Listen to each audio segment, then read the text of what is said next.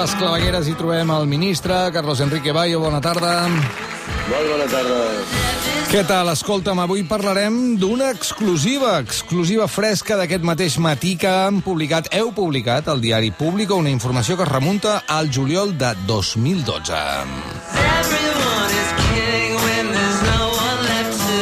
Aquell mes, Marcelino Martín Blas, que acabava de ser nomenat cap d'afers interns de la policia, va demanar a un jutge que intervingués les comunicacions de dos comandaments policials en el marc de la investigació a Villarejo. ¿Qué va a pasar? ¿Qué heu publicat? Explica'ns. Bueno, lo que hemos hecho es el repaso de cómo eh, el, eh, Martín Blas se convierte en eh, el digamos, cabeza de turco al que le, van a imputar todo lo que ellos mismos están haciendo. Es decir, eh, lo que hace Villarejo es eh, aplicar el tercer principio de la propaganda nazi de, de, de, Goebbels, el principio de la transposición, que era cargar sobre el adversario los propios errores o defectos o incluso crímenes, ¿no? Y, por tanto lo que hace es eh, imputar a, el propio Martín Blas, que era el jefe de asuntos internos y que estaba investigándole a él, porque nada más llegar, precisamente en julio de 2012, eh, empieza a ver que allí está pasando algo raro, empieza a ver que la cloaca está funcionando y como jefe de asuntos internos tiene que investigarlo. Y le solicita a un juez la intervención de las comunicaciones de nuestro querido amigo José Luis Olivera. Que entonces era jefe de la UDEF y era el amigo del alma de, Villarejo, y también del jefe de la sección de blanqueo de capitales, eh, que era el responsable de la unidad policial adscrita al caso Gürtel, José Manuel Álvarez Luna, que eran los que estaban tapando eh, todo el caso Gürtel, como luego hemos ido explicando aquí y se ha visto en los audios de Villarejo cuando le cuentan Cospedal y a su marido López del Hierro que, que está tapando todo eso su tronco Olivera. Por cierto, José Manuel Álvarez Luna, mm. que entonces era, era el, el, jefe de la sección de blanqueo, eh, también luego ha hecho otras, o, otras actuaciones muy conocidas por nosotros, Ay. como por ejemplo el descubrir en el fondo de un, de un cajón perdido durante dos años el famoso pendrive del caso Pujol. Mm. ¿no? O sea que, vamos, todos estos están, claro, involucrados en toda esa trama. Pero lo que realmente desvelamos es cómo eh, Villarejo consigue atribuir a Martín Blas, y todavía hoy tenemos esos coletazos, porque precisamente el, el lunes fue eh, imputado otro inspector jefe, eh, por fin, Jesús Vicente Galán, que era otro de los, de los que participaban de la, de la cloaca y que hasta ahora no había sido imputado porque lo llama a declarar el juez y, y, y bueno, la cantidad de contradicciones y, y, dudas y todo, al final los fiscales le, le recuerdan que que como testigo está obligado a decir la verdad, sí. cosa que podrían saber otros también altos responsables, mm. como el propio Diego Pérez de los Cobos, nuestro querido amigo sí, coronel sí. de la Guardia Civil, mm. ¿no? Sí, y bueno, que finalmente el juez dice, mire, mmm, váyase y vuelva con un abogado como imputado, investigado, porque usted está pringado en esto hasta, hasta arriba. Entonces, claro, el asunto es que hasta ahora, porque todo esto ya en 2019 puso querellas en el Martín Blas, etcétera, todo esto ocurre porque, claro, Martín Blas empieza a, a investigar todo eso. Una cosa, un, un, juez... deixem, deixem fer un apunt, sí. perquè ens aclarim. Martín Blas és el bueno, ¿no?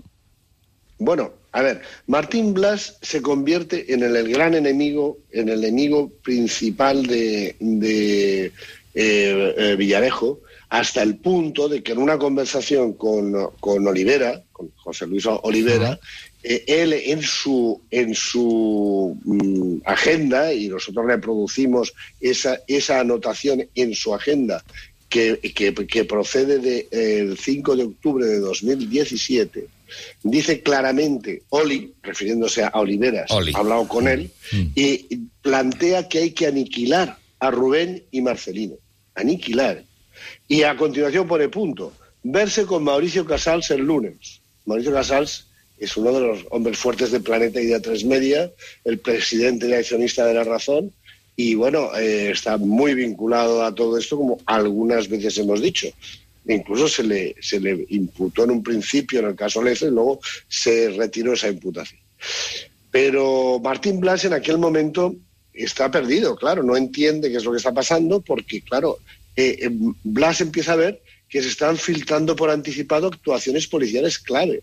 Por ejemplo, las operaciones de entrada y registro, en el caso Urtel, se, se eh, detectaba que la prensa llegaba a los, a los escenarios antes que la propia policía. Ah, mira, això passa sovint, sí. Carai. un daño irreparable a la investigación, ¿no? Se echaba por tierra horas de esfuerzo, de recursos públicos invertidos, etcétera.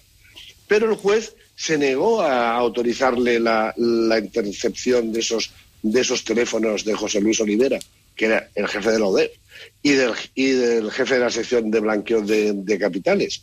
Y, y si se lo hubiera permitido, probablemente lo hubiera parado los, los pies entonces. Pero eso no se lo olvidaron nunca, nunca, y lo mencionan constantemente. I per què el juez no permet, això?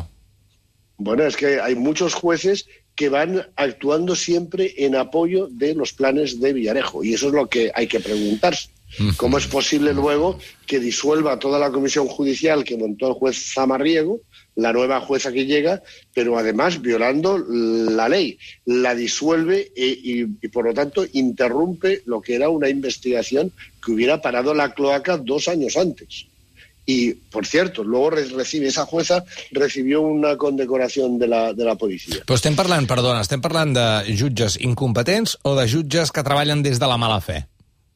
Bueno, pues desde luego las sospechas de que hay mala fe son eh, clarísimas, porque es que, mm, bueno, luego resulta que eh, hay otra, otro, que es el número dos de Martín Blas, Rubén Eladio López, un inspector, eh, un subinspector, de hecho, que, mm, que está ayudándole y que, y que recibe presiones tremendas para que traicione a Martín Blas en su investigación, en el que cuando finalmente es apartado de asuntos internos eh, de, la- de- de manera fulminante y- e ilegal, porque está actuando en una comisión judicial y se está, la policía está in- interfiriendo en, en una, en una comisión judicial, presentó una querella eh, hace ya dos años sobre todas las presiones y obstrucciones a la justicia que había sufrido y detectado durante la investigación. Se creyó incluso contra la cúpula policial de entonces, todos los que ahora están pasando por el banquillo. Mm. Se creyó hace dos años. Pues la jueza paró eso, la del juzgado número de, de- de instrucción número 49 de Madrid, no hizo ni una sola diligencia, intentó quitárselo de encima, todo por, yo, entre otra parte también por miedo a Villarejo, parece. Mm. Porque es que a día de hoy la querella sigue ahí parada. La magistrada no ha movido un papel y, y no se da ni traslado a los acusados. Dos años enteros con la querella bloqueada en un, en un cajón y en estos dos años finalmente han salido a la luz que todos aquellos formaban parte de la cloaca. A ver, yo creo que deberían dar explicaciones de por qué han hecho eso. No solo ella, sino más eh, jueces. Pero, claro, eh, demostrar si es mala fe, eso es casi imposible. És gairebé impossible, però informació a informació i sempre les informacions que treuen els companys de Público, ja ho sabeu, queden a vegades una mica doncs, isolades i al cap d'un temps queden confirmades, que també és una feina de formiga, també, aquesta vostra, eh? Vull dir, de sobte publiqueu claro, això claro. i la gent, va, bueno, pues no passa res. I al cap de dos anys, pam! Ah, pues era verdad lo que decían los de Público. Bueno, un clàssic. De tota manera, uh, Carlos Enrique, no, jo, no, jo no, sé, no, sé, no sé si és veritat o no, però tinc la sensació que sense la investigació en premsa prèvia tot això després no arriba a ser investigat, no? Bueno, muy a menudo no, no es investigado, es al revés, son bloqueadas las investigaciones, se, se paralizan. En el caso esto, bueno, pues aquí tenemos mucho, mu- muchas fuentes de, de, mm, jurídicas que lo que creen es que, que se está jugando a que se archiven las cosas por inacción procesal. Y eso es lo que ha pasado en muchísimas causas de corrupción política. Entonces, que, que no sea por mala fe, sino por puro desconocimiento, ineficacia, ineptitud, pues tenemos una cantidad de jueces ineptos que, que, clama al cielo, ¿no? Pero, eh, pero claro, eh, este mismo último que han, que han, que han procesado, el Vicente Galán este, Sí. es que eh, es que es un inspector que el Eugenio Pino fichó para la dirección adjunta operativa Sí. y donde y donde allí hizo eh, bueno estuvo fue el que buscaba pruebas falsas contra Podemos precisamente para hacer los, los informes falsos contra Mm. contra ellos y, y después bueno fue el que presionó directamente a la comisión judicial blindada que estaba investigando el caso Nicolás donde se des- desvelaba toda la, la trama ¿Qué es lo que pasó después de eso? Pues que le destinaron a la Embajada de España en Mauritania, que es sentarse en un despacho y cobrar 12.000 euros al mes de sueldo.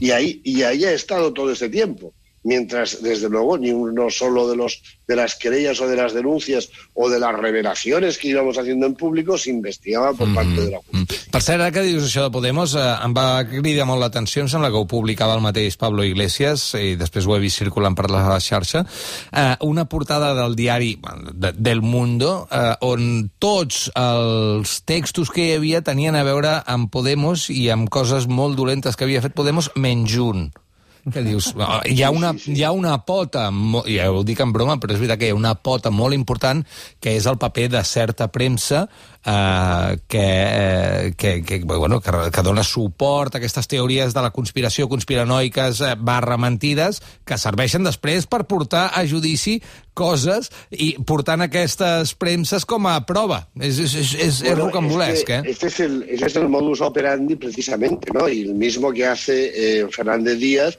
cuando hace filtraciones eh, de montajes policiales a la prensa para que eso salga publicado en la prensa y a continuación ya se pueda abrir una investigación legal sobre ello.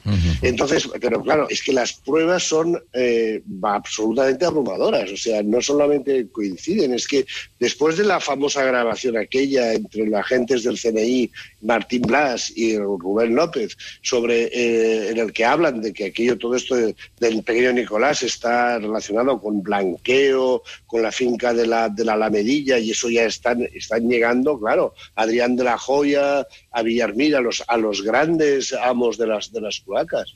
Hasta entonces, incluso de, después de que, de que hubiera habido detención de Nicolás y tal, la, la prensa fina Villarejo solamente estaba hablando de, de bueno, de tejemanejes, fotos con famosos del pequeño Nicolás. En cuanto mm, se des- descubren eso, porque graba en secreto Villarejo esa conversación de manera ilegal, claro, de entre, entre los servicios secretos y asuntos internos, el, el, eh, la- esa misma prensa de pronto empieza a decir que Asuntos Internos, Martín Blas y los que investigan a Villarejo son un grupo de delincuentes que lavan pruebas, que están en guerra contra el comisario estupendo es Villarejo, que están acusando en falso a su hijo, que están fabricando informes falsos. Y todo esto lo hacen Eduardo Inda y Esteban Urreiztieta una y otra vez, Sí, sí. constantemente. Sí, sí, y sí. justo cuando le interesa a, a, a Villarejo, es que es, es que es descarado. I, I ho direm mil i una vegada, si cal, i cada vegada que parlem amb el Carlos Enrique Bayo, eh, quan diu Eduardo Inda i tota la seva implicació en tots aquests circuits, és un senyor que després és convidat a programes de televisió a parlar en, com a periodista. Pero es que además hay más datos. Es que resulta que, por ejemplo, en, en una de las, de las carpetas que se descubren en la caja fuerte de Villarejo, hay eh, una carpeta que se llama Party, que cuelga de otra que se llama PPV, Pepe Villarejo. Eh, eh, hay toda una serie de datos que ha ido acumulando sobre Marcelino Martín Blas, incluso consultando el registro mercantil y de la propiedad para ver si encuentra algo, que le puede imputar, sobre su familia, investigando a sus hermanos, eh, a través de aplicaciones muy como Informa, Accessor y, y cosas así que, que están al alcance de la, de la policía. Y, y todo esto para ver si, si puede mm, eh, desprestigiar a Martín Blas. Pues es que las fechas y los temas son coincidentes completamente con las de los artículos que Eduardo Indo va publicando sobre datos personales de Martín Blas, además eh, interpretándolos tergiversada y malintencionadamente una y otra vez en su, en su medio. Es que es, que Sí, es, sí, es es realmente eh, sorprendente que todavía no se haya eh, interrogado en serio al señor Inda sobre su complicidad absoluta con, con Villarejo. És al·lucinant. Uh, Juan Carlos, uh, uh, uh, Carlos Enrique, perdona, uh, ho hem de deixar aquí perquè tenim una notícia d'última hora que al voltant de Diego Armando Maradona, ara, ara l'explicarem, uh, sembla que podria haver-hi últimes notícies. Si et sembla, ho deixem aquí i seguim parlant un altre dia. Clar que sí. Una abraçada. Gràcies. Adéu.